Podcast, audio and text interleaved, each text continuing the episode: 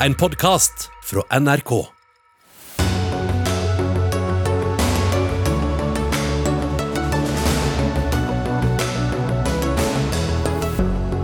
Taliban er godt fornøyd med samtalene i Oslo, sa de i ettermiddag, samtidig som norsk-afghanere demonstrerte mot møtene. Oslofjorden er full av kloakk, og fisken dør. Noe må gjøres, men hvem skal betale? Ikke vi, sier kommunene. Ikke vi heller, sier staten. Tidligere riksadvokat ønsker å begrense retten 22. juli-drapsmannen har til å begjære seg løslatt. Det mener Venstre bryter med helt grunnleggende rettsprinsipper. Og politikerne skulle skjerme barn og unge under pandemien. Det har de ikke klart, sier en psykolog. Han tror han yrkeslivet ut for klienter som sliter med ettervirkningene av smitteverntiltak. Ja, Du hører, hører eller ser på Dagsnytt 18 på NRK P2 eller NRK1. I studio i dag, Sigrid Solund. Taliban uttrykker at de er godt fornøyd med samtalene de har hatt i Oslo i dag med representanter for USA og flere vestlige land. Samtidig har norsk-afghanere demonstrert eh, utenfor Utenriksdepartementet i Oslo mot at samtalene foregår her i landet. Utenriksjournalist i NRK Gro Holm, du følger samtalene som foregår på Soria Moria hotell i Oslo. Hva er det Talibans utenriksminister har sagt i dag? Ja, Amir Khan Motaki kom ut og snakket med pressen her i dag, og det han sa på spørsmål om dette var en seier for Taliban, så sa han helt klart det er en seier. Eh, og det at Norge eh, nå har eh, gitt Taliban muligheten til å opptre på en scene, som han sa, med omverdenen er, er svært viktig, og en forutsetning for at man skal få inn humanitær hjelp til helse og utdanning, som han sa. Mm. Det har også vært eh, mye snakk om to kvinner som demonstrerte mot at alle kvinner i Afghanistan må bære hijab, som ble arrestert i forrige uke i Afghanistan. Hva sier Taliban om det i dag? Ja, de, i, I går så sa de jo helt klart at de hadde ikke noe med saken å gjøre, at de etterforsket den, og at de påsto til og med at kvinnene gjemte seg for om mulig da kanskje å søke asyl eh, i et annet land. I dag eh, så spurte jeg eh, utenriks, utenriksminister Motaki om, om, det samme, om hva han hadde å si til at eh, en av kvinnene i hvert fall på dette møtet påstår at de eh, lyver. Så sa han eh, bare, som, sa, som han mente, da, at de har et rettssystem og politi som fungerer, og at eh, hvis man har gjort noe galt, så er det det det dreier seg om. Altså at de, de, de Underforstått, de får som fortjent. Men han, han vil ikke verken bekrefte eller avkrefte at det er faktisk Taliban som har eh, arrestert dem. Det er også amerikanere med på disse samtalene eller forhandlingene. Hva kan du si om amerikanernes eh, rolle, og hva de vil eh, muligens oppnå med dette? Ja, eh, Det er jo et snev, kan man vel eh, anta, i, den amerikanske administrasjonen for om ikke dårlig samvittighet. Så at man, man, må på en måte Man kan ikke bare eh, la afghanerne ut i, ut i kulden. Så i denne omgang er de nok opptatt av å finne måter å hjelpe hjelpe landet humanitært på, uten at det ligner på noe som helst av en anerkjennelse av Taliban. Og Sånn sett så passer det amerikanerne godt, tror jeg, eh, at det er Norge som arrangerer dette møtet, og at de kommer som en av flere deltakere her. Men akkurat hvordan de tenker, hvordan eh, spesialutsending Thomas West tenker, det vet vi ikke. For han har ennå ikke vist seg for, eh, for i hvert fall ikke for norske medier, og heller ikke for de andre som venter her ute. Takk skal du ha, Gro Holm. Bistandsminister Anne Beate Tvinnereim, Taliban ser på det som en seier at de har blitt gitt denne scenen. Hva synes du om disse uttalelsene? Jeg har lyst til å starte med å si at jeg skjønner veldig godt at dette skaper reaksjoner. Og, og uh, ikke minst fra mennesker som selv har opplevd å bli drevet på flukt fra Taliban Eh, eller har mistet sine kjære. Og alle disse dilemmaene har jo vært grundig, har jo vi stått midt oppe i UD også, når vi har vurdert, eh, vurdert forberedelsene til dette møtet. Men det vi vet, er at Afghanistan står på kanten av en kollaps. Og Norge var i posisjon til å starte en dialog eh, på dette området, og det er jeg glad for at vi har gjort. Men dette innebærer jo ingen anerkjennelse av Taliban. Det var det grunnleggende. Men så til disse uttalelsene som kom i dag, da. De ser på det som en seier, og Norge har gitt dem en scene. Hvordan er det å høre de uttalelsene? Um, jeg forstår jo at Taliban uh, ønsker å sende dette signalet utad. og Derfor er det jo så viktig at vi og amerikanerne og alle de europeiske landene som deltar eh, på møtet, er tydelige på at dette er ingen anerkjennelse, men at vi også fremmer tydelige forventninger og krav til Taliban. Eh, og så er det jo også sånn at eh, det er Dette er jo kun starten på en dialog, håper vi. Og så er det jo opp til Taliban å vise at de faktisk eh, mener med handling det de sier med ord. Og da lurer jeg på hva som er blitt sagt inne på disse møtene i dag. Ja, Nå satt ikke jeg inne på møtene, men de signalene eller tilbakemeldingene jeg har fått, bl.a. fra møtene med sivilsamfunn i går og kvinneorganisasjoner og menneskerettighetsorganisasjoner, er at dette var en eh, god start. Og så får vi se om eh, Taliban eh, walks the talks på, på bakken. Men, men hva slags krav eller forventninger er det norske og andre vestlige delegater går inn i disse samtalene med, da? Ja, Vi har vært veldig tydelige på tre ting. Ehm, for det første at Taliban må gi rom for humanitære aktører. For det andre at de må respektere grunnleggende internasjonale forpliktelser når det gjelder kvinner og etniske og religiøse minoriteters eh, rettigheter. Og for det tredje at Afghanistan ikke igjen skal bli gro, en grobunn for, uh, for terrorister. Um Sonja Amadi, du er leder og grunnlegger av Norsk-afghanske kvinner for endring, og du reiste fra Trondheim til Oslo, hvor du holdt appell i dag utenfor Utenriksdepartementet. Med, med hvilket budskap? Eh, takk. Budskapet i appellen var selvfølgelig um, kravene til eh, det sivile samfunnet, afghanske sivile samfunnet og kvinnerettighetsaktivister. fordi som en del av min aktivisme så har jeg kontakt med alle disse. Altså eh, menneskerettigheter, og spesielt kvinnerettigheter. Eh, retten til utdanning, retten til jobb, ytringsfrihet og deltakelse både i samfunnet, politikk og økonomi var noen av de kravene som sto um, overst i listen, og det var det som var en del av appellen min. Samtidig så um, krevde vi at det humanitære bistanden som skal um, gå til Afghanistan for å uh, få Afghanistan ut av den humanitære katastrofen, må gå gjennom FN-organisasjonen uh, og andre uh, internasjonale og private organisasjoner. Du uh, har bodd i Norge i 13 år, men du vokste opp i Afghanistan, og du har fortalt til Adresseavisa om at du som tolvåring ble pisket av Taliban fordi du ikke brukte burka.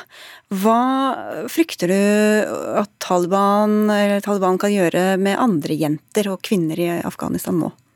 Det som jeg frykter, er det som allerede skjer i Afghanistan akkurat nå. Både i den første gangen da de regjerte eh, i Afghanistan, så behandlet de kvinner på en veldig umenneskelig uh, måte. Kvinner på gater blir pisket, de uh, blir fratatt rettigheter grunnleggende menneskelige rettighetene sine. De, kunne, de hadde ikke engang bevegelsesfrihet. De kunne ikke gå utenfor hjemmet. Uh, og sånn uh, som vi ser nå, så er det det som skjer igjen. Etter at Taliban har tatt over makten igjen, så um, har de um, innført restriksjoner på uh, kvinners um, rettigheter. Kvinner har ikke returnert tilbake til jobbene sine fra den dagen Taliban har tatt makten. Altså jentene over sjette trinn har ikke returnert tilbake til skole. De eh, kvinnene og jentene som eh, protesterer mot Taliban og krever sine eh, rettigheter, blir slått. Eh, de har blitt arrestert. Og så eh, er det tre demonstranter som har forsvunnet på et mystisk vis, og det er Taliban som har tatt dem. Og dette er jo noe av det som Norge prøver å endre på, Tynrem, som du var inne på. Men så tilbake til spørsmålet er jo litt sånn hvorfor skal de, dette absolutt skje i Norge? Hvorfor skal Norge gi dem den scenen, i stedet for at disse samtalene f.eks. foregår i et land nærmere Afghanistan? Det var eh, sånn at Norge var i posisjon til å kunne eh, legge til rette for disse, disse, samtalene. De kunne ikke finne sted i Afghanistan av sikkerhetshensyn for de sivilsamfunnsorganisasjonene som har deltatt. Og Norge har hatt dialog med Taliban senere, nei, unnskyld, tidligere. Eh, og, og tilbakemeldingene fra USA, men også fra veldig mange humanitære aktører, er jo at de er glad for at Norge har gjort det, fordi vi var i posisjon til å gjøre det. Yama Holasmal, Midtøsten-korrespondent i NRK. Du har kommet eh, fra Beirut og hit til, studio. Hva tror du Taliban prøver å oppnå under disse samtalene? Altså, dette er jo dilemmaet for norske myndigheter, for uansett hvordan man vrir og vender på dette, uh, uansett hvor høylytt man sier at dette er ikke en anerkjennelse, så ser vi allerede nå at Taliban spinner dette til sin fordel. De går ut og sier at dette er en seier for oss. Vi har gått ut av politisk isolasjon, diplomatisk isolasjon. Vi har blitt fløyet inn til Nato-landet Norge, hvor verdens stormakter står på rekke og rad for å møte oss. Eh, når de nå drar tilbake til Kabul, om de så ikke får noe konkret ut av disse, disse forhandlingene i Oslo, så vil de likevel kunne si til folk vi er i stand til å møte stormaktene. Dette er stormakter som vi klarte å knuse gjennom 20 år med konflikt. Vi jagde dem på dør i august. De isolerte oss etter at vi tok over makta, og nå trygler de oss nærmest om å prate med dem for å løse problemene i Afghanistan. Sånn vil enkelte Taliban-ledere fremstille disse møtene. Det er 15 eh, personer i delegasjonen fra Taliban, eh, deriblant Anas Haqqani, som er svartelistet av USA, og hvis bror bl.a. sto bak angrepet på Serena hotell i Kabul, hvor den norske journalisten Karsten Thomassen ble drept. Hva er grunnlaget for at han er med? Bare legge til at han ikke så på noen svarteliste akkurat nå. Eh, han gjorde det tidligere. Ja. Han ble fjernet i forbindelse med samtalene i Doha, så han står fritt til å reise rundt. Han har faktisk ingen politisk politisk rolle hos Taliban. Han har ingen posisjon, men han kommer fra denne mektige Haqqani-klanen som utgjør den militære ryggraden til Taliban. De har stått bak noen av de verste terrorangrepene. De er veldig mektige, og grunnen til at han er her, ifølge mine kilder i Taliban, er at eh, denne klanen vil gjerne ha et ord med i spillet i alle viktige avgjørelser. Så han kommer hit for å følge med på forhandlingene, for å sørge for at resten av Taliban ikke tar en avgjørelse som Haqqani-klanen kommer til å være uenig i. Og for Norge er det helt ok å fly ham inn i privatfly? Jeg skjønner godt at det skaper reaksjoner, og vi skulle gjerne vært privatflyet foruten hvis det hadde vært andre måter å løse dette på. Men, men bakgrunnen er jo her altså Sammensetning av delegasjonen har jo vært eh, Talibans egen, eh, egen beslutning. Visst, visste dere om det da? Eh, vi har visst i et par uker hvem som deltok i delegasjonen. og til det er det å si at eh, dette er et land som har vært i konflikt i mange tiår. Dersom vi skulle få de personene som betyr noe i maktskiftet, de facto myndighetene i Afghanistan, til et bord, eh, så, så eh, måtte vi forvente at det også ble mennesker med blod på hendene. Eh, så brutalt er faktisk dette. Men, men La meg bare gjenta at Utgangspunktet for at vi mener at det er riktig å gjøre dette, er at 24 millioner mennesker står i akutt matmangel og foran en kollaps i, i Afghanistan. Det er jo det vi ønsker å eh, fokusere på. Det er bakgrunnen for at vi mente dette var nødvendig. Og helt kort, Amadi, Tror du at dette kan hjelpe på den humanitære situasjonen i Afghanistan? Jeg håper at det gjør det, fordi um, jeg er veldig glad i hvert fall at det internasjonale samfunnet og uh, Norge tok uh, dette initiativet til å starte uh, dialog og forhandlinger med Taliban. men om det kommer til å hjelpe eller ikke, det um, er vi veldig usikre om. Vi får se hva de neste dagene bringer, og så får vi si tusen takk til alle dere for at dere var med i Dagsnytt 18.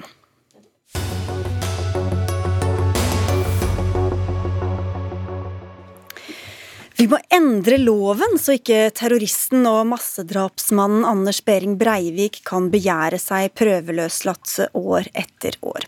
Det mener flere etter at eh, terroristen gjorde nettopp dette i forrige uke.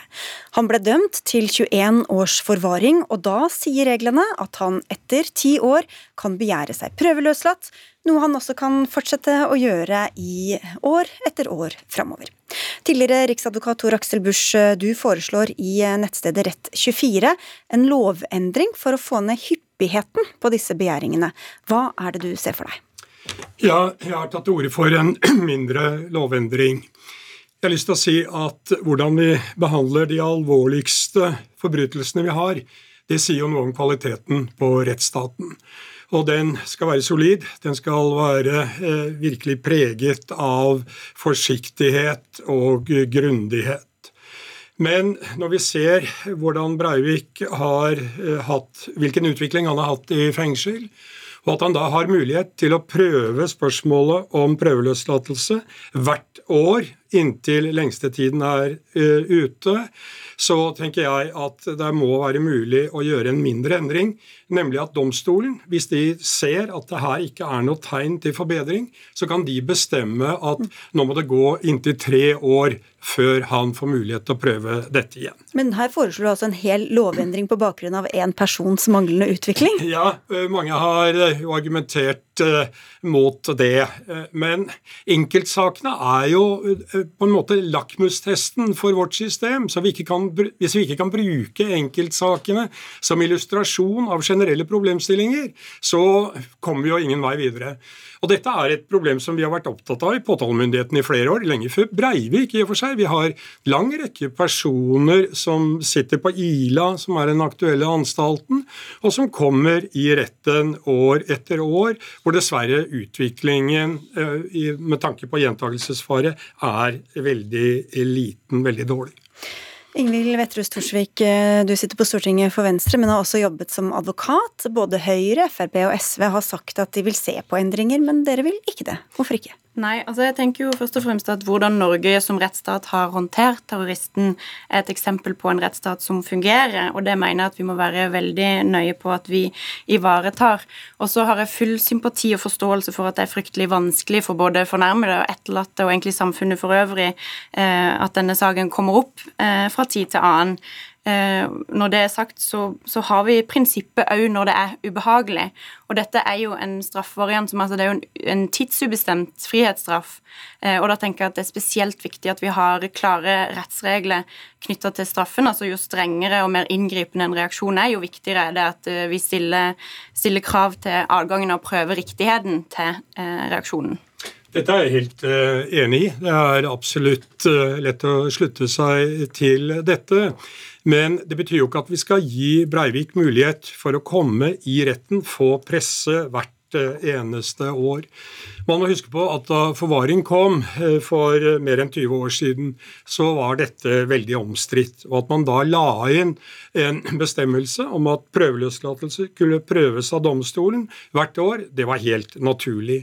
I tillegg så var det meningen at eh, dette skulle gjelde for de middels alvorlige forbrytelsene hvor det var stor gjentagelsesfare, ikke for de alvorligste. Så bestemte Stortinget at eh, dette skulle også omfatte de mest alvorlige. og dermed var ikke den problemstillingen oppe på samme måte som den eh, kommer opp eh, nå, kan komme opp nå. Og Når vi da i tillegg ser at Breivik bruker dette som en propagandastol, altså selve tiltalebenken, så tenker jeg at her må vurderingen gå i hans disfavør. Det får være tilstrekkelig han får prøve hvert tredje år, hvis retten mener at det er en stor gjentagelsesfare. Altså jeg tenker jo at Det er viktig at vi løfter dette til at det ikke handler om en enkeltsak. altså At dette er et, et, institutt som gjelder for alle. Og Det som er spesielt med forvaring, er jo just det at det er ikke en vanlig ubetinget fengselsstraff, men det er en reaksjon for å ivareta samfunnssikkerheten òg, ved å hindre at eh, en person som eh, har en fare for å gjøre nye lovbrudd, kan slippe ut å gjøre det. Sånn at det er den, eh, den, sikkerheten og den beskyttelsen som er hovedpoenget med dette. Og da er det jo sånn at det i seg sjøl er jo fryktelig vanskelig å vurdere. altså Nærliggende fare for at lovbryteren på nytt vil begå et alvorlig lovbrudd. Med det så må du jo se framover i tid, og det er svært, eh, svært vanskelig. Og det fordrer jo at man skal kunne prøve dette ved eventuell forandring. Det du sier, Busham, at han øh, får oppmerksomhet og bruker rettssalen, hvor, hvor, hvorfor hører det egentlig hjemme i en lovendringsbehandling? Det kan man si er et støtteargument. Det er ikke eh, det sentrale. Ikke så, ikke så vesentlig? Altså, ja, Det hører med i totalvurderingen, eh, vil jeg mene. Det er gjentakelsesfaren som er absolutt eh, det sentrale. Og det er jo slik altså, Vi gir jo domstolene mulighet til å si at ja, du dømmes og du får 21 års eh, forvaring med makstid, minstetid på 10 år, eller kanskje nå både 30 år, som Breivik ville fått i dag, og 20 års minstetid, og at ikke da domstolene skal kunne gjøre en vurdering om å si at du, det har vært så dårlig progresjon i din farevurdering at den vil vi rett og slett ikke ha i retten før det har gått tre år. Det har ikke skjedd noe på ti år. Og Hvis det skjer noe i mellomtiden, da? Hvis eh, de i fengselet f.eks. sier at her har det vært ja, en slags oppvåkning? Ja, da må det være en, eh, en, mulighet eh, til å få det opp igjen. Det vil være enkelt kunne løses lovteknisk at man legger inn en slik buffer. Torsvik. Men det er jo nettopp en del av problemet her. altså Hvis dette skal være opp til kriminalomsorgen å vurdere, eh, og man ikke skal få en domstolskontroll på det, så blir jo rettssikkerheten svekka uansett hvem dette her gjelder. Og når det kommer til dette med oppmerksomhet, så er det jo sånn at all terrorisme er avhengig av oppmerksomhet for å oppnå sine mål. Eh, men det er jo òg en, en, diskusjon knytta til, til, medieomtalen om det. Og det må jo veies opp mot offentlighetens interesse av å få informasjon om en pågående straffesak. Men man kan jo kanskje se for seg at hvis det skjer årlig, så blir det mindre oppmerksomhet om det. Da bryr man seg ikke så mye om det heller lenger enn hvis det går lengre tid mellom hver gang? Det er lite som tyder på det, eh, slik vi ser, eh, ser det nå. Og Jeg syns det er riktig absolutt at uh, dette omtales, og det er jo en helt uh, spesiell uh, sak vi har. Og det er jo ikke sånn at vi skal ta fra han muligheten til å få prøvd det i domstolen. Vi legger bare inn en skranke om at det må gå litt lengre tid mellom hver gang. Så det skal fortsatt være domstolskontroll. og vi ser jo nå at enkelte har jo gjort seg til talsmenn for at man ikke skal kunne prøve dette i domstolen i det hele tatt. Og Det var det som var bakgrunnen for at jeg eh, fremmet mitt forslag. For det syns jeg ville være en dårlig idé, at man ikke skulle ha en domstolskontroll. Og Jeg syns nok at Venstre her skulle tenke seg litt om. fordi hvis man går imot et moderat forslag, så vil man lett kunne gi argumenter til de som vil ha dette helt vekk. Altså, da tenker jeg jo at det, det er en kamp som, som, må tas når det kommer, og det ser jeg jo på som, som, relativt urealistisk at man skulle ta bort adgangen til å, å prøve en tidsubestemt eh, frihetsberøvelse det som jeg tenker er viktig, er at eh, alle mennesker har menneskeverd og menneskerettigheter i vår rettsstat. Eh, og det må komme absolutt alle til gode, uansett hvem det er. Og vi kan ikke bruke én sak som eksempel, som også vil ramme mennesket utover terroristen. Men det vil vel være individuelt i de tilfellene, i så fall. Hvis de viser progresjon, så vil man jo kanskje da si at nei, for deg så gir vi ett år, og så tar vi opp, får du muligheten på nytt da. Jo, det kan man jo godt si, men eh, poenget er jo at når du har en så streng straff som dette er, så er det naturlig at det skal kunne prøves av en domstol. og Da nytter det ikke at man tenker at fengselet skal kunne si Nei, at her domstolen, ser vi en Sånn som jeg forstår forslaget, så kan man vi inntil tre år, men man kan også si at her ser vi, her er det bevegelse, du får prøve igjen om ett år. Men det, er, det er jo unntakstilfellene dette er ment for, en særlig bestemmelse for retten. Normalt så vil det være hvert år. Eh, slik som det er i dag. Men der hvor det ikke er noe tegn til bedring, så en mulighet eh, for tre år. Og Det syns jeg også er, har et offerperspektiv i seg. Altså, Hele poenget med straff er jo bl.a. at det skal være rehabiliterende. og Da skal man konstant i kriminalomsorgen arbeide for at folk skal kunne fungere etter soning, uansett hvem de er, uansett om man tenker at de skal kunne uh, måtte sone hele livet. Og Ved å sette, gjøre denne endringen, så mener jeg at man tar et skritt tilbake i det henseendet også. Da blir det i hvert fall en politisk debatt av dette forslaget du har reist, Tor Aksel Busch. Takk skal du ha for at du kom, og takk til deg, Ingvild Wetterhus Thorsvik fra Venstre.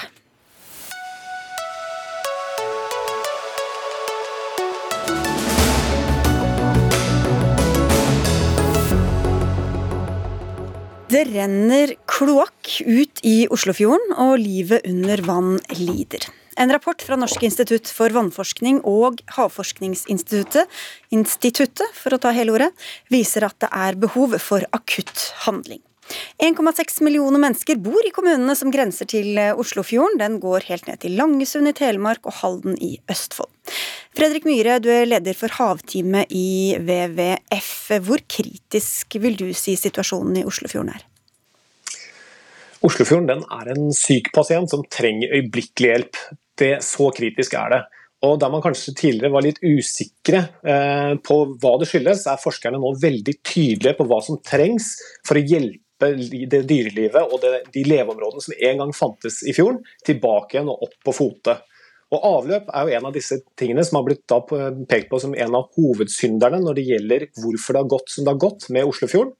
Og Både det at kloakk har gått rett ut i fjorden helt nærmest uten rensing, men ikke minst da det som vi ser nå av debatten i dag, dette med at man eh, også da må rense urinen vår, eller avløpet vårt, da, for nitrogen. Sånn at ikke den går ut i fjorden og bidrar til en overgjødsling av fjorden vår. Og det Vi gjør, vi trenger en storstilt redningsaksjon for livet i Oslofjorden. og Da trenger vi å se midler også som står i stil med det behovet faktisk er. Men For å ta tak i denne nitrogenrensingen, hvis man får på plass en sånn type, sånne type renseanlegg, hva kan det få å si da for, for Oslofjorden? Det er klart, Da får man mindre av denne kunstige gjødslingen av eh, livet i fjorden. og Det gjør at leveområdene sånn som sukkertareskogene våre har en bedre sjanse til å komme tilbake igjen. For det vi ser nå, altså Når jeg tar på meg dykkermaska mi og kaster meg ut i Oslofjorden, så ser vi på veldig mange av plassene at der det tidligere var frodige sukkertareskoger som bugner over av liv, så er det døde matter av slimete trådalger, såkalt lurv, som dekker de samme områdene. Og De klarer ikke å opprettholde det samme livet som eh, sukkertareskogene. Og så er jo spørsmålet som det ofte er, da. Hvem skal betale for dette? Are Karlsen, du er ordfører i Horten. Hvorfor renser dere ikke kloakken eh, ordentlig? Nei, Vi har tenkt å gjøre det, og vi planlegger nytt renseanlegg. Og vi kommer uansett til å planlegge det med nitrogenrensing, uavhengig av hvem som betaler. Men jeg tror det er viktig både med en ordentlig koordinering fra statlige myndigheter og pålegg til alle kommunene, for det hjelper ikke hvis bare enkeltkommuner renser. Og I tillegg så tror jeg det vil være en fordel for å få fortgang i det, at det også er noen støtteordninger. Hva er det dere ser for dere da? Nei, akkurat i kroner og øre. Nå har vi hatt, et, uh, hatt diskutert med alle ordførerne rundt uh, fjorden og sendt et brev til ministeren som sitter her. og Der har vi foreslått en støtteordning på f.eks. 25% Men det er i og for seg litt tenkt på et tall. Det viktigste er at vi nå får gjort noe. Og Da trenger vi ikke starte med å krangle om regninga, men vi må ha en koordinering. Vi må, alle må være med på det og man må sette i gang. Og så må vi diskutere hvordan vi fordeler regninga. Statsråden, det er deg. Det er Espen Barth Eide, klima- og miljøminister. Og ifølge Dagbladet så har du ingen planer om å støtte finansieringen her?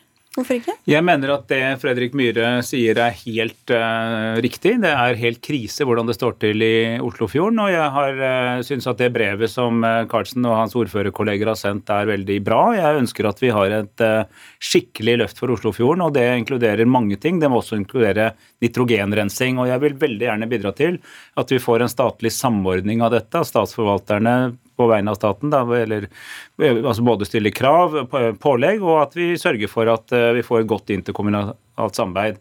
Eh, så er det sånn i Norge at eh, det å rense avløp er en kommunal oppgave, og det er, skal finansieres til selvkost. Det tar man da gjennom liksom, avgiften. Men, men, vi er klar for å ha en samtale om hvordan vi kan bidra til at dette faktisk skjer, for det er et veldig viktig grep.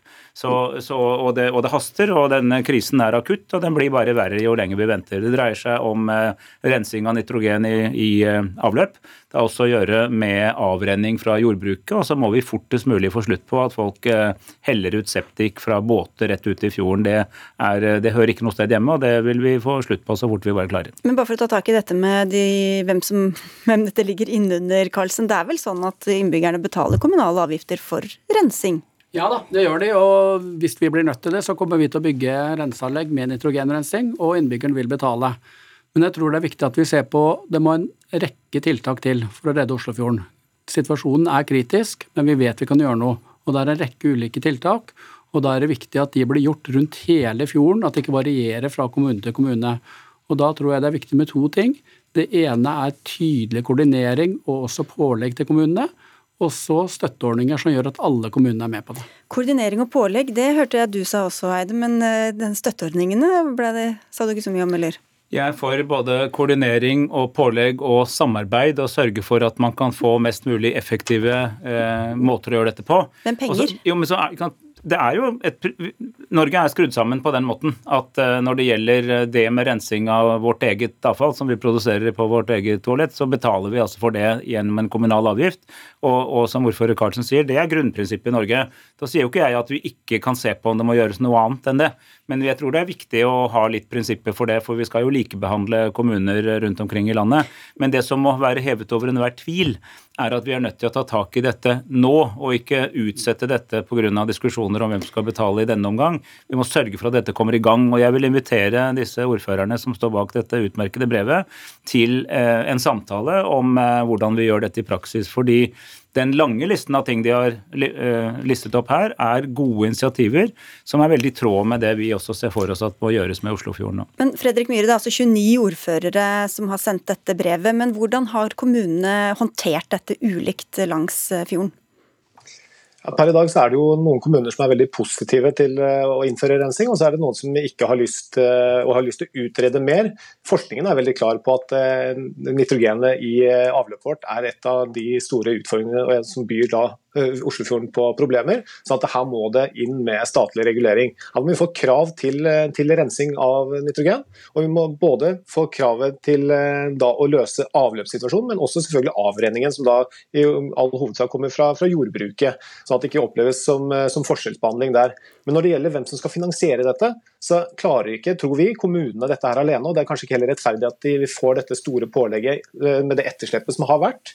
Så her sånn, så er vi helt avhengig av å se i årene fremover at vi får en betydelig satsing på Oslofjorden i statsbudsjettet, sånn at vi kan løse både utfordringen med, med, det vi opplever med avløp, men også avrenning på jordbruk, overfiske og manglende marint, vær, eh, marint vern. For Vi kan få tilbake livet i Oslofjorden, men det handler om vilje det handler om handling. Og Det er mange nå som vil, og det er kjempebra, eh, det som ordfører Karlsen snakker om, men også som klima- og miljøministeren snakker om. Men nå må vi slutte bare ville, nå må vi faktisk også ha handling. Og det brevet som kommer fra ordførerne, det er bra. Men du, dette er ikke noe problem, for dere har jo satt av ti millioner dere, Espen Barth Eide, i statsbudsjettet til Oslofjorden?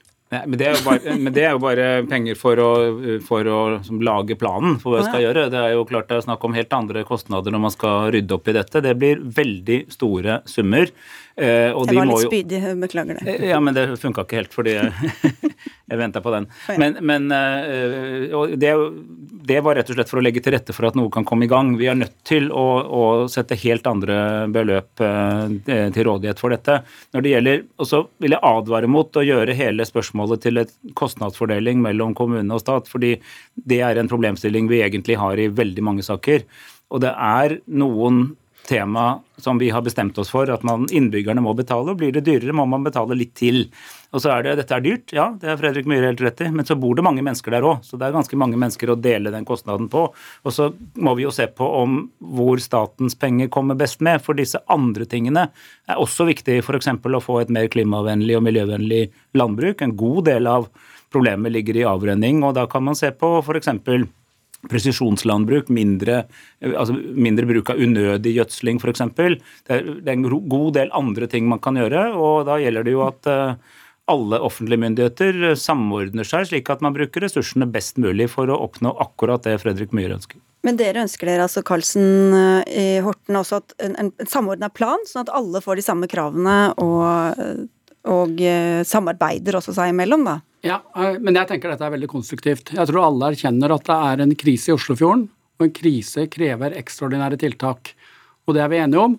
Og statsråden er også tydelig på at de vil være med å koordinere, finne løsninger. Så må vi begynne å handle. Så må vi gjøre ting. Og så er jeg helt sikker på at vi skal bli enige om finansieringa. Hvis alle ser at det her er viktig, og vi må gjøre det, og vi må gjøre det nå. Og det skulle blitt gjort i går, eh, Barth Eide, og når kommer denne planen? det burde vært gjort for mange år siden. og Dette problemet har man jo egentlig kjent, men vi får i hvert fall gjøre det nå. Og så er det et spørsmål Vi må gjøre dette i Oslofjorden, men i tilstøtende områder inn mot Skagerrak og sånn, så er dette problemet ikke bare nasjonalt.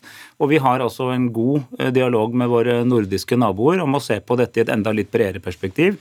Eh, og dette går inn i en global satsing på havet, hvor vår egen statsminister jo er eh, leder for dette havpanelet, som eh, bl.a. er opptatt av å bedre havets helse. Og Da tenker jeg at da må Norge gå foran med et godt eksempel og gjøre det hjemme, som vi mener at andre skal gjøre i utlandet. Du har i hvert fall fått et brev, så får vi se hva svaret blir. Og så får vi si takk til dere tre, Fredrik Myhre fra WWF, Espen Barth Eide som er klima- og miljøminister, og Are Karlsen som er ordfører i Horten.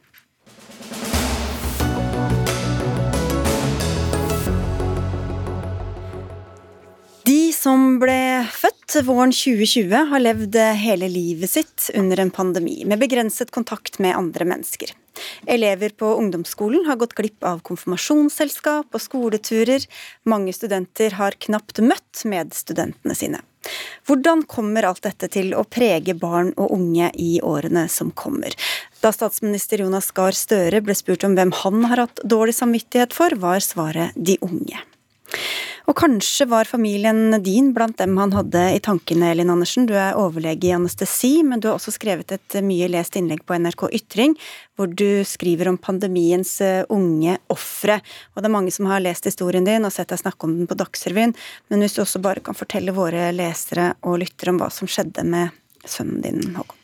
Ja, jeg, har, eh, jeg, jobber som overlege i anestesi på Hamar sykehus. Jeg har også tre barn. Eh, de har flytta hjemmefra under pandemien. Eh, Håkon, som er i midten, han eh, er en gutt med mye ressurser, men han hadde en veldig alvorlig sykdom. Han hadde rusavhengighet. Det hadde han fått veldig god behandling for, og var veldig klar for å gå på livet etter behandling. Eh, dessverre så var det da under pandemi. Så han klarte seg fint. Han hadde vært rusfri i to og et halvt år. Flytta til Ski, egen leilighet og jobb og gikk på skole. Men da Follo ble hermetisk lukka vinteren 21, så forsvant knaggene i livet til Håkon som gjorde at han fungerte i hverdagen. Og da begynte han å ruse seg igjen. Ehm, han hadde mye ressurser, så vi oppdaga ikke før det var for seint. Eh, og så dør han av en overdose 4. mai 2021. Eh, eh, det var en gutt full av liv og klar for livet. Og hva håper du at andre da kan lære av denne historien? Eh, jeg har tenkt eh, Jeg tror de som best, jeg tror det er eh, det å stenge ungdom inne og nede er, er veldig vanlig. Altså, du blir så vingeklippa. Når du er ung, så skal du ut, du skal møte mennesker, og du skal leve et fritt og godt liv. Når du i tillegg har en alvorlig sykdom som rusavhengighet eller andre psykiske sykdommer, så er de knaggene som utgjør hverdagen din, kjempeviktig. Det er rammene rundt det normale livet. Ehm, jeg tenker at det bør sitte veldig langt inne og stenge ned landet nytt på nytt for unge mennesker. Tommy Monsen Sotkajärvi, du er psykologspesialist i samfunns- og allmennpsykologi, og du har også uttrykt bekymringer på NRK Ytring. Eh, Håkon var jo da syk og sårbar fra før av. Jeg må si at de sårbare er jo de som er sterke, må ja. bare si det. Ja. Mm. ja vi bruker sårbar med litt forskjellige betydninger, mm. egentlig, både medisinsk og i dagligtalen også. Mm. Um, men hvor farlig tror du at denne pandemien kan vise seg å være for barn og unge som ikke vi tenker på som spesielt utsatt fra før av også? Altså, først så vil jeg bare si at jeg syns det jeg, jeg blir berørt av å høre, høre historien som Elin forteller om, om sønnen sin her. Fordi det, det er et så godt bilde på, eh, på, en måte det vi ser en, en trend av nå. Som, og jeg, jeg, skrev om det i ytringa mi, om at det her er en global trend eh, hvor vi ser en økning i, i psykiske lidelser. Eh, og vi ser en økning i psykiske lidelser også i Norge. Så det er ikke, det er ikke globalt, det er også lokalt. Vi, vi, har sett Under pandemien så har vi sett en økning i henvisninger til BUP. Vi har sett en økning i henvisninger, altså nyhenvisninger i BUP. Altså barne- og ungdoms... Uh, barne- og ungdomspsykiatrien, mm. voksenpsykiatrien. Uh, det har vært slått nye rekorder i forhold til uh, um, henvisninger for alvorlige spiseforstyrrelser for barn og unge. vi ser også det at tidlig i pandemien allerede ble rapportert om økte psykiske plager, som jo er liksom hvor, hvordan vi har det med oss sjøl, hvordan vi har Eh, en psykisk plage kan være f.eks. det at du ikke ser særlig lyst på framtida. Det kan være det at du trekker deg tilbake sosialt. Det kan være, det kan være at du går og er bekymra. Det kan være at du eh, går og er eh, tenker på liksom, hva, hva, er, hva, har jeg å, å, gå til i morgen. Litt sånn, altså De tingene som Elin beskriver. ikke sant, at det, eh, Og vi ser det på en måte Vi ser det Eh, vi ser det i, i, hos studenter, som, som, jo Håkon var jo en student. ikke sant? Og Der ser vi den, den eh, såkalte SHoT-undersøkelsen, som er sånn 60 000 studenter de spør. Der så vi det at i, i 2010 så var det ca. én av seks som rapporterte eh, psykiske helsevansker eh, eller, eller, psykiske symptombelastninger. da. Eh, og eh, under pandemien, altså i 2021, så var det halvparten. Så det, det er en markant økning der. Og, og vi ser også det eh, ja. Nei da, vi ser du har en lang liste. Jeg har en lang liste, altså, for det, det, er ma mange forskjellige eh, datakilder mm. som, som, sier oss at det er en utvikling. Det er en utvikling hos voksne, det er en utvikling i familier, det er en utvikling hos studenter, barn og unge, og de yngre barna. Det er mange grupper vi egentlig snakker ja. om, veldig mange mennesker vi snakker om når vi sier barn og unge. Barne- og familieminister Kjersti Toppe, nå har du hørt eh, både tall og, og en uh, veldig tragisk uh, fortelling her. Hvor bekymra er du for virkningene for barn og unge, ikke bare nå, men også på lang sikt? Mm. Ja, Det gjør jo stort inntrykk på meg òg å høre historiene fra, ja, familien eh, som har opplevd eh, det verste en kan oppleve. Eh, og jeg er òg bekymra for den eh, økningen som blir rapportert, f.eks. henvisninger til barne- og ungdomspsykiatrien. Og det er jo klart at eh, Vi har jo en erfaring nå som vi ikke har hatt før i samfunnet, eh, når, en, når pandemien kom og veldig masse ble stengt helt ned. Og jeg tenker vi regjeringen nå eh, tenker jo og vurderer dette her veldig sterkt. At vi ønsker å beskytte barn og unge mot en eh, ny nedstengning. Eh, og har vært veldig bevisst på det i høst og det som skjedde i vinter. Eh, så har jo òg noe vært eh, uunngåelig. Men eh, f.eks. så har vi vært tydelige på at sånn som fritidsklubber ikke skulle bli stengt ned, altså lavterskeltilbud. Men ja, jeg tenker at eh, det vi nå ser, viser en samfunnsutfordring. Og pandemien har vist at det er enkelte ting, altså sånn som eh, at rammene i hverdagen går, går bort og blir stengt ned, det øker risikoen, iallfall hos de som er sårbare fra før. Og det er en erkjennelse som vi kanskje ikke har tenkt nok på tidligere. Så, så det er jo helsehensyn som har vært begrunnelsen for disse smitteverntiltakene. Vi vil ikke at folk skal bli smittet og bli syke og bli døde. Og, dø. og da sier du at politikerne tenker for snevert på hva de regner inn i, inn i helsebegrepet? Ja, altså for, for, det første så hører jeg jo Toppe sier nå at uh, nei, Igjen så nevnes det altså de her sårbare gruppene. og jeg tenker at uh, det, det, begrepet der, det, det, reagerer jeg litt på. fordi at det, det, er sånn at ja, ja, det er folk som hadde det vanskelig fra før av. De fikk det enda vanskeligere. Det er egentlig ikke noe bomber. Men det vi ser, det, det er at det er ikke bare dem som hadde det vanskelig fra før av. Det Med tiltakene så ser vi det at det har økt og det har sunket når tiltakene har, har eh, gått tilbake i symptombelastning. Og jeg tenker Det at det jeg også hører, det er liksom det at vi måtte gjøre det her. Det var de sårbare. Det, det, er en opplevelse av at psykisk helse ikke blir sett på som en reell helseindikator. Og det tenker jeg, det må de faktisk gjøre. Men det er klart det er veldig ubeleilig å ta psykisk helse inn i, i en sånn perspektiv. fordi at eh, konteksten folk lever livene sine i, har aller mest å si.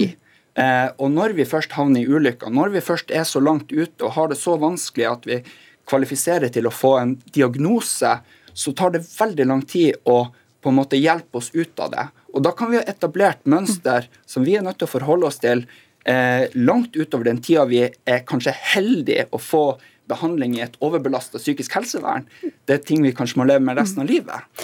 Det er jo eh, enkeltpersoner det gjelder, men det blir jo ofte Vi må vite litt hva vi har å gjøre med før vi vet hva vi skal gjøre med det, kanskje. Gjertrud Hafstad, du er psykolog og forsker ved Nasjonalt kunnskapssenter om vold og traumatisk stress. Hva vet vi helt sikkert, egentlig, om noe? Om hvordan disse smitteverntiltakene har slått ut for barn og unge? Ja, altså Helt sikkert vet vi ingenting. Eller veldig lite. Men det har jo vært gjort en god del forskning. Altså Da pandemien brøt ut eh, i 2020, så hadde vi jo et veldig lite kunnskap, kunnskapsgrunnlag som kunne si oss noe om hvordan en sånn nasjonal krise kunne slå ut. Og vi visste ikke hvor lenge det skulle vare, eller noen ting. Eh, og det var jo mange som var bekymra, og vi ved Nasjonalt kunnskapssenter om vold og traumatisk stress var jo også tidlig ute med en bekymring om at det kunne bli en psykisk helsepandemi, fordi, eller eh, epidemi, fordi vi har sett fra noen andre katastrofer eller lignende kriser i andre land at det kan slå ut på den måten. Eh, så vi satte jo i gang forskning ganske tidlig, i likhet med mange andre, og det har i løpet av de siste to årene kommet enormt mye forskning på akkurat dette med psykisk helse. Det vi ser, altså Først så vil jeg jo si det at uh, ungdom, som er mitt tema, mitt område, det er jo en veldig mangfoldig gruppe, og det finnes ulike datakilder som viser litt ulike ting. Hvis vi fokuserer på eh, befolkningsdata, altså studier som ser på liksom store deler av ungdomsbefolkninga og de som går på skolen og som kanskje har en, ofte har en helt vanlig hverdag, eh, så ser man at i starten av pandemien eh, så så vi veldig få endringer. Det så ut som de klarte seg ganske greit. Noen grupper som vi her har snakka om, som så ut som de hadde det mer vanskelig. Og så, som Tommy også nevnte her, så finnes det studier som har klart å følge gruppa over tid og ganske hyppig gjennom pandemien, og de har sett at når det blir, spesielt i England, da, eh, når det har vært eh, strenge restriksjoner, eh, så har eh, symptomnivåene gått opp på angst og depresjon. Eh, og når det da letter igjen de restriksjonene, så går det ned for noen, men ikke for alle. og Spesielt de med spesielle læringsbehov ser man har hatt vedvarende plager. Så Det vi er bekymra for nå, er jo hvordan disse vedvarende og gjentagende nedstengningene eh, skal virke på sikt. da, Om de vil slite litt på. Og Det ser vi litt tendenser til i ny forskning som kommer nå. Hva slags planer har dere egentlig, Kjersti Toppe, for å liksom finne ut av å følge opp det her? Hmm. Vi er veldig bevisst på uh, denne problemstillingen. Uh, og jeg er jo uh, enig i at en har ikke vært flinke nok tidlig i pandemien, fordi at en hadde ikke den erfaringen. og at en skal regne med psykisk helse som i, i denne store i det store bildet eh, opp mot hva slags smitteverntak eh, og hvor lenge det er nødvendig osv. Eh, vi har jo satt i gang og prioritert midler både til oppfølging i skole og barnehage, og for å få mer kunnskap om hva, hva tiltak som vi trenger i framtida med mulig langtidsvirkninger. Og så har vi levert mange ulike pakker til Stortinget når det gjelder økonomiske midler for å styrke disse lavterskeltilbudene. Eh, så, så, jeg opplever at eh, barn og unge har fått eh, høyt fokus nå i, i oppfølgingen av den pandemien og den smittebølgen som, som kom nå. Men vi vi vet jo ikke noe om langtidsvirkningene. Det er fremdeles usikker kunnskap om det. Men det, det, selv om smittetallene går ned nå, så er jeg helt sikker på at denne problemstillingen er ikke over. For jeg, altså vi må jo få barn og unge i aktivitet igjen. Det tror jeg er veldig viktig. Også Og så at en holder åpne de de eh, ja, tilbudene som eh, skole, barnehage som, eh, som, og, som barn og unge går på, og, og, når det gjelder studenter. Hva håper du Elin Andersen at det gjør? Ja, for det første, penger det kan kjøpe det penger kan kjøpe. Det de aller fleste ønsker seg, er å få lov til å være, ha en helt normal hverdag. Eh, en gruppe som er glemt, er de som er over 20. Du snakker om barn og unge, det er veldig mye snakk om barnehage og yngre.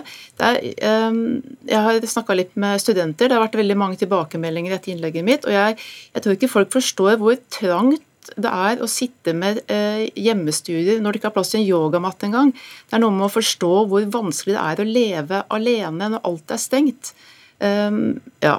Mm. Uh, så det, det, å holde ting mest mulig normalt må jo være malen.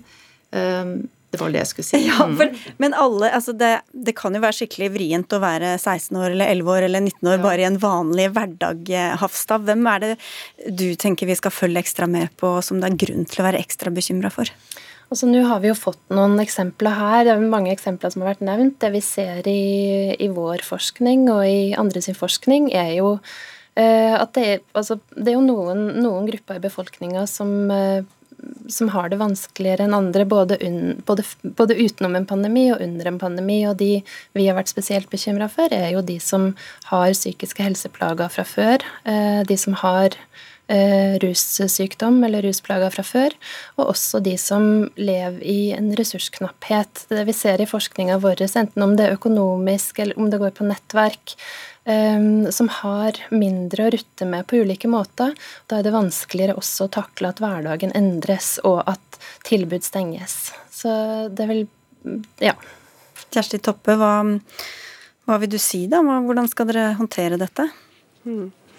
Vi skal eh, gjøre vårt eh, aller beste nettopp for å holde eh, tilbud til barn og unge og unge voksne. Studenter åpne, og spesielt studenter. Er helt enig i at der, der er det veldig viktig nå at universitet og høgskole holder fysiske forelesninger og får studentene på campus, sånn at de får den sosiale kontakten. Jeg har stor ja, forståelse og medlidenhet til studenter som har opplevd ikke bare ett år, men kanskje to år med veldig mye hjemmeundervisning. Og det er klart at Når vi vet hvordan, den, hvordan studenter svarer på psykisk helseundersøkelse i, altså før pandemien, så, så, er det jo klart at dette har vært veldig krevende for dem. Og nå har jo òg regjeringen gitt beskjed til høyere utdanning, universitet, høgskole, at de må prioritere å få studentene fysisk tilbake igjen. For det, det, er veldig viktig, ikke bare for undervisningen, men rett og slett for helsa til de unge voksne.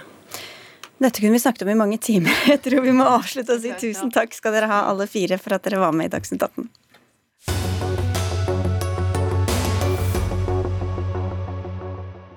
Før vi går til neste sak, så tar jeg med at Helsedepartementet for noen minutter siden opplyste om at kravet om innreisekarantene avvikles fra natt til onsdag. Da erstattes også smittekarantene med daglig testing for nærkontakter i husstanden og tilsvarende nære. Så da vet vi det.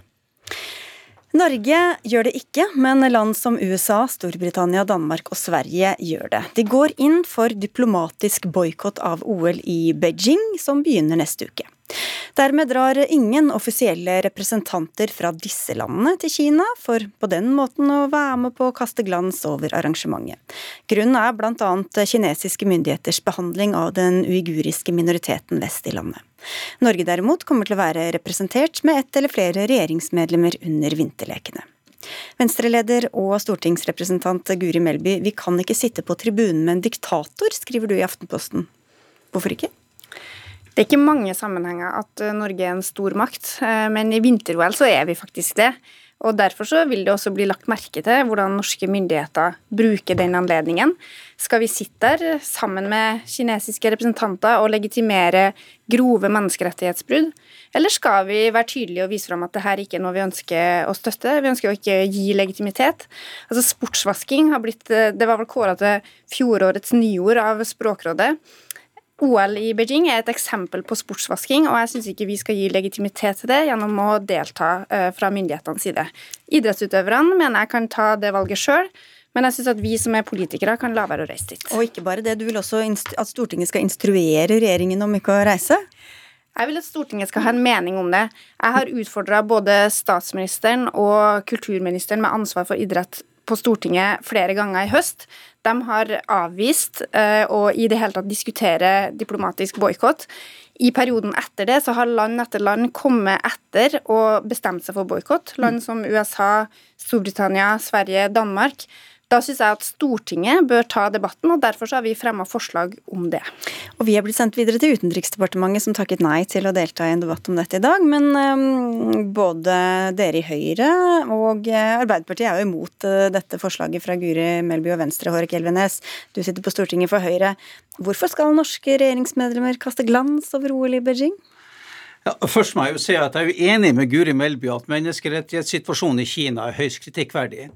Men det er jo ingen tradisjon i Norge for at vi praktiserer politisk boikott. Og det er jo heller ingen sedvane for at Stortinget går inn og instruerer hva regjeringa skal gjøre på dette området. Etter Grunnloven så er det jo regjeringa sitt privilegium å eh, vurdere og bestemme hvordan man skal anvende de diplomatiske virkemidlene. Men det koker jo dypest sett ned til spørsmålet om man har tro på diplomatisk boikott som et effektivt virkemiddel. Og der eh, er både regjeringa og Høyre av den oppfatning at det finnes andre virkemidler som er bedre og tydeligere. Mm. Men dere støttet eh, boikott av OL i Moskva i 1980? Ja, men det var en helt annen type boikott. Det var en deltakerboikott, og da var det 65 land som boikotta, som ikke reiste til Moskva og deltok. Så vil jeg jo si til Guri Melby at eh, hvis vi skulle boikotte diplomatisk ethvert idrettsarrangement internasjonalt som foregår i land med tvilsomme regimer og tvilsom praktisering av menneskerettighetene, ja, da tror jeg vi måtte ta i bruk diplomatisk boikott ganske ofte. Og da vil det jo være en viss fare for at det kunne gå inflasjon i hele virkemidlet. Men Norge har ingen tradisjon, og terskelen for å ta i bruk et slikt virkemiddel er veldig, veldig høyt. Ja, Da blir det få gullmedaljer, Melby. Jeg tror, jeg tror det er litt sånn grunnleggende forskjell på et konservativt og et liberalt parti. fordi at vi ikke har pleid å gjøre det før, så skal vi heller ikke vurdere å gjøre det igjen. Um, altså, Det er ikke så mange store idrettsarrangement det reiser regjeringsmedlemmer til. Det har nylig vært eh, sjakk-VM, eh, også i et regime som vi kanskje ikke støtter. Det er ikke en type arrangement altså Det er kun de aller største idrettsarrangementene at representanter fra det offisielle Norge deltar. Så jeg tror ikke vi vil få et sånt kjempeproblem i at vi skal sitte og vurdere det hele tida. Men, men, men, det er jo prinsipielt. Altså, hvilke land mener du er innenfor, og hvilke som ja, er utafor? Det er derfor det er også en del av forslaget vårt at vi ønsker at regjeringa skal komme tilbake en, med en sak på Stortinget der vi nettopp tar en mer prinsipiell vurdering av det. hva som kan være kriteriene, slik at det ikke bare er en vurdering vi gjør fra mesterskap til mesterskap. Men det er jo sånn, en av grunnene til at både jeg som lokalpolitiker i Oslo og Venstre i sin tid kjempa for at nettopp Norge og Oslo burde arrangere vinter-OL i 2022. Det ble dessverre stoppa av Høyre. Alle, alt skal legges til Europa, da? Eller? Nei, så det, åpenbart ikke. Men altså, jeg mener det er en litt forskjell på den situasjonen vi ser nå. Uh, og situasjonen vi har sett, altså Boikott har vært diskutert tidligere også, f.eks. For i forbindelse med Sotsji-OL. Da var det vel, så vidt jeg registrert, ingen andre land som valgte å bruke dette virkemidlet. Nå er det en økende tendens med bruk av sportsvasking. Eh, det er nå flere land som da har bestemt seg for boikott. Dette er en veldig annerledes situasjon enn om Norge f.eks. skulle ha stått alene. Mm. Og så synes Jeg jeg, ja, jeg, skal høre, jeg skal høre med Elvenes, for Vanligvis er du ganske opptatt av hva USA gjør, f.eks. At Norge ja, legger, legger, seg etter der. Ja, men ikke nå. Nei, men man skal huske på at um, USA, Storbritannia, Australia og en del andre land som nå har tatt i bruk dette virkemidlet, faktisk ligger i en form for uh, kontinuerlig konfrontasjon med Kina. Uh, det gjør jo ikke Norge. Jeg bare refererer til De handler ikke så mye med Kina? Men altså, Norge uttrykker jo sin oppfatning om menneskerettighetssituasjonen i Kina på andre måter, gjennom bilaterale samtaler med Kina, der Norge har vært veldig tydelig. Det var jo en kinesisk representant i Norge i desember og møtte regjeringa, og regjeringa var, var, tydelig. Og det har jo den foregående regjeringa også vært. Så man må kanskje ikke ha for sterk tro på dette diplomatiske boikotteriet. Det kan jo bli et slag i luften, eh, det er synlig der og da, men det kan jo Eh, i sin ytterste konsekvens stenge for andre kanaler som er vel så viktige å opprettholde mm. Eh, for å vise hva man mener, slik at man kan påvirke over tid, og ikke nødvendigvis være fraværende fra tribunen i, i 14 dager, og kanskje ikke så mye heller.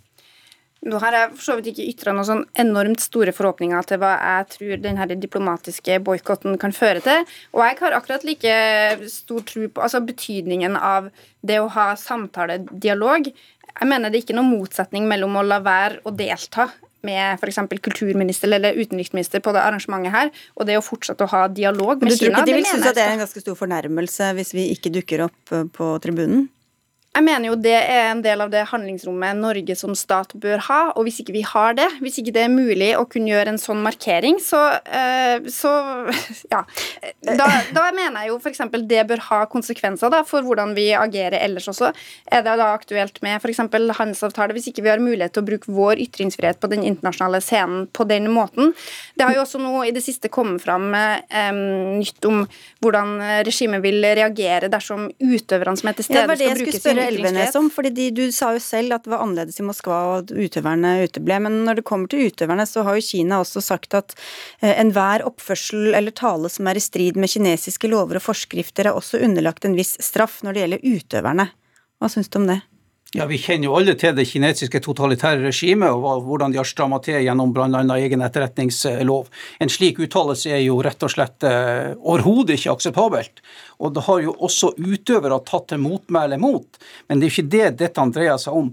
Og Jeg vil også på en måte advare litt mot å politisere idretten mer enn nødvendig, for vi må huske på at internasjonal kappestrid gjennom idretten også i sitt utgangspunkt hadde et forbrødrende eh, side ved seg. Det at man møttes på tvers av nasjoner i fredelig kappestrid, var også med å bygge relasjoner. Hvis man politisk intervenerer for mye for idretten sin arena, så kan det også ha negative konsekvenser som verken tjener idretten eller det internasjonale samarbeid. Vi kan godt mene at idrett er upolitisk, men jeg er ganske sikker på at Xi Jinping har en ganske klar plan med å arrangere det her eh, OL-et. Det er jo selvsagt for å vise fram Kina fra sin beste side. Eh, for å få oppmerksom vekk fra grove menneskerettighetsbrudd. Sånn at når, alle, når, det er så mange andre som legger politikk i det, så mener jeg det er litt sånn kunstig at vi skal opprettholde et sånt veldig sterkt skille.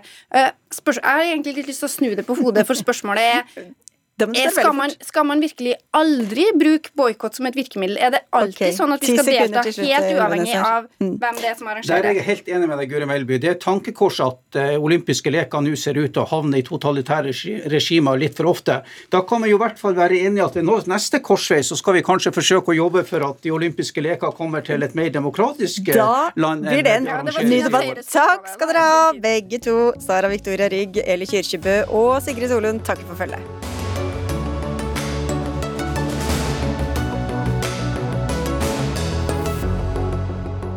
Du har hørt en podkast fra NRK.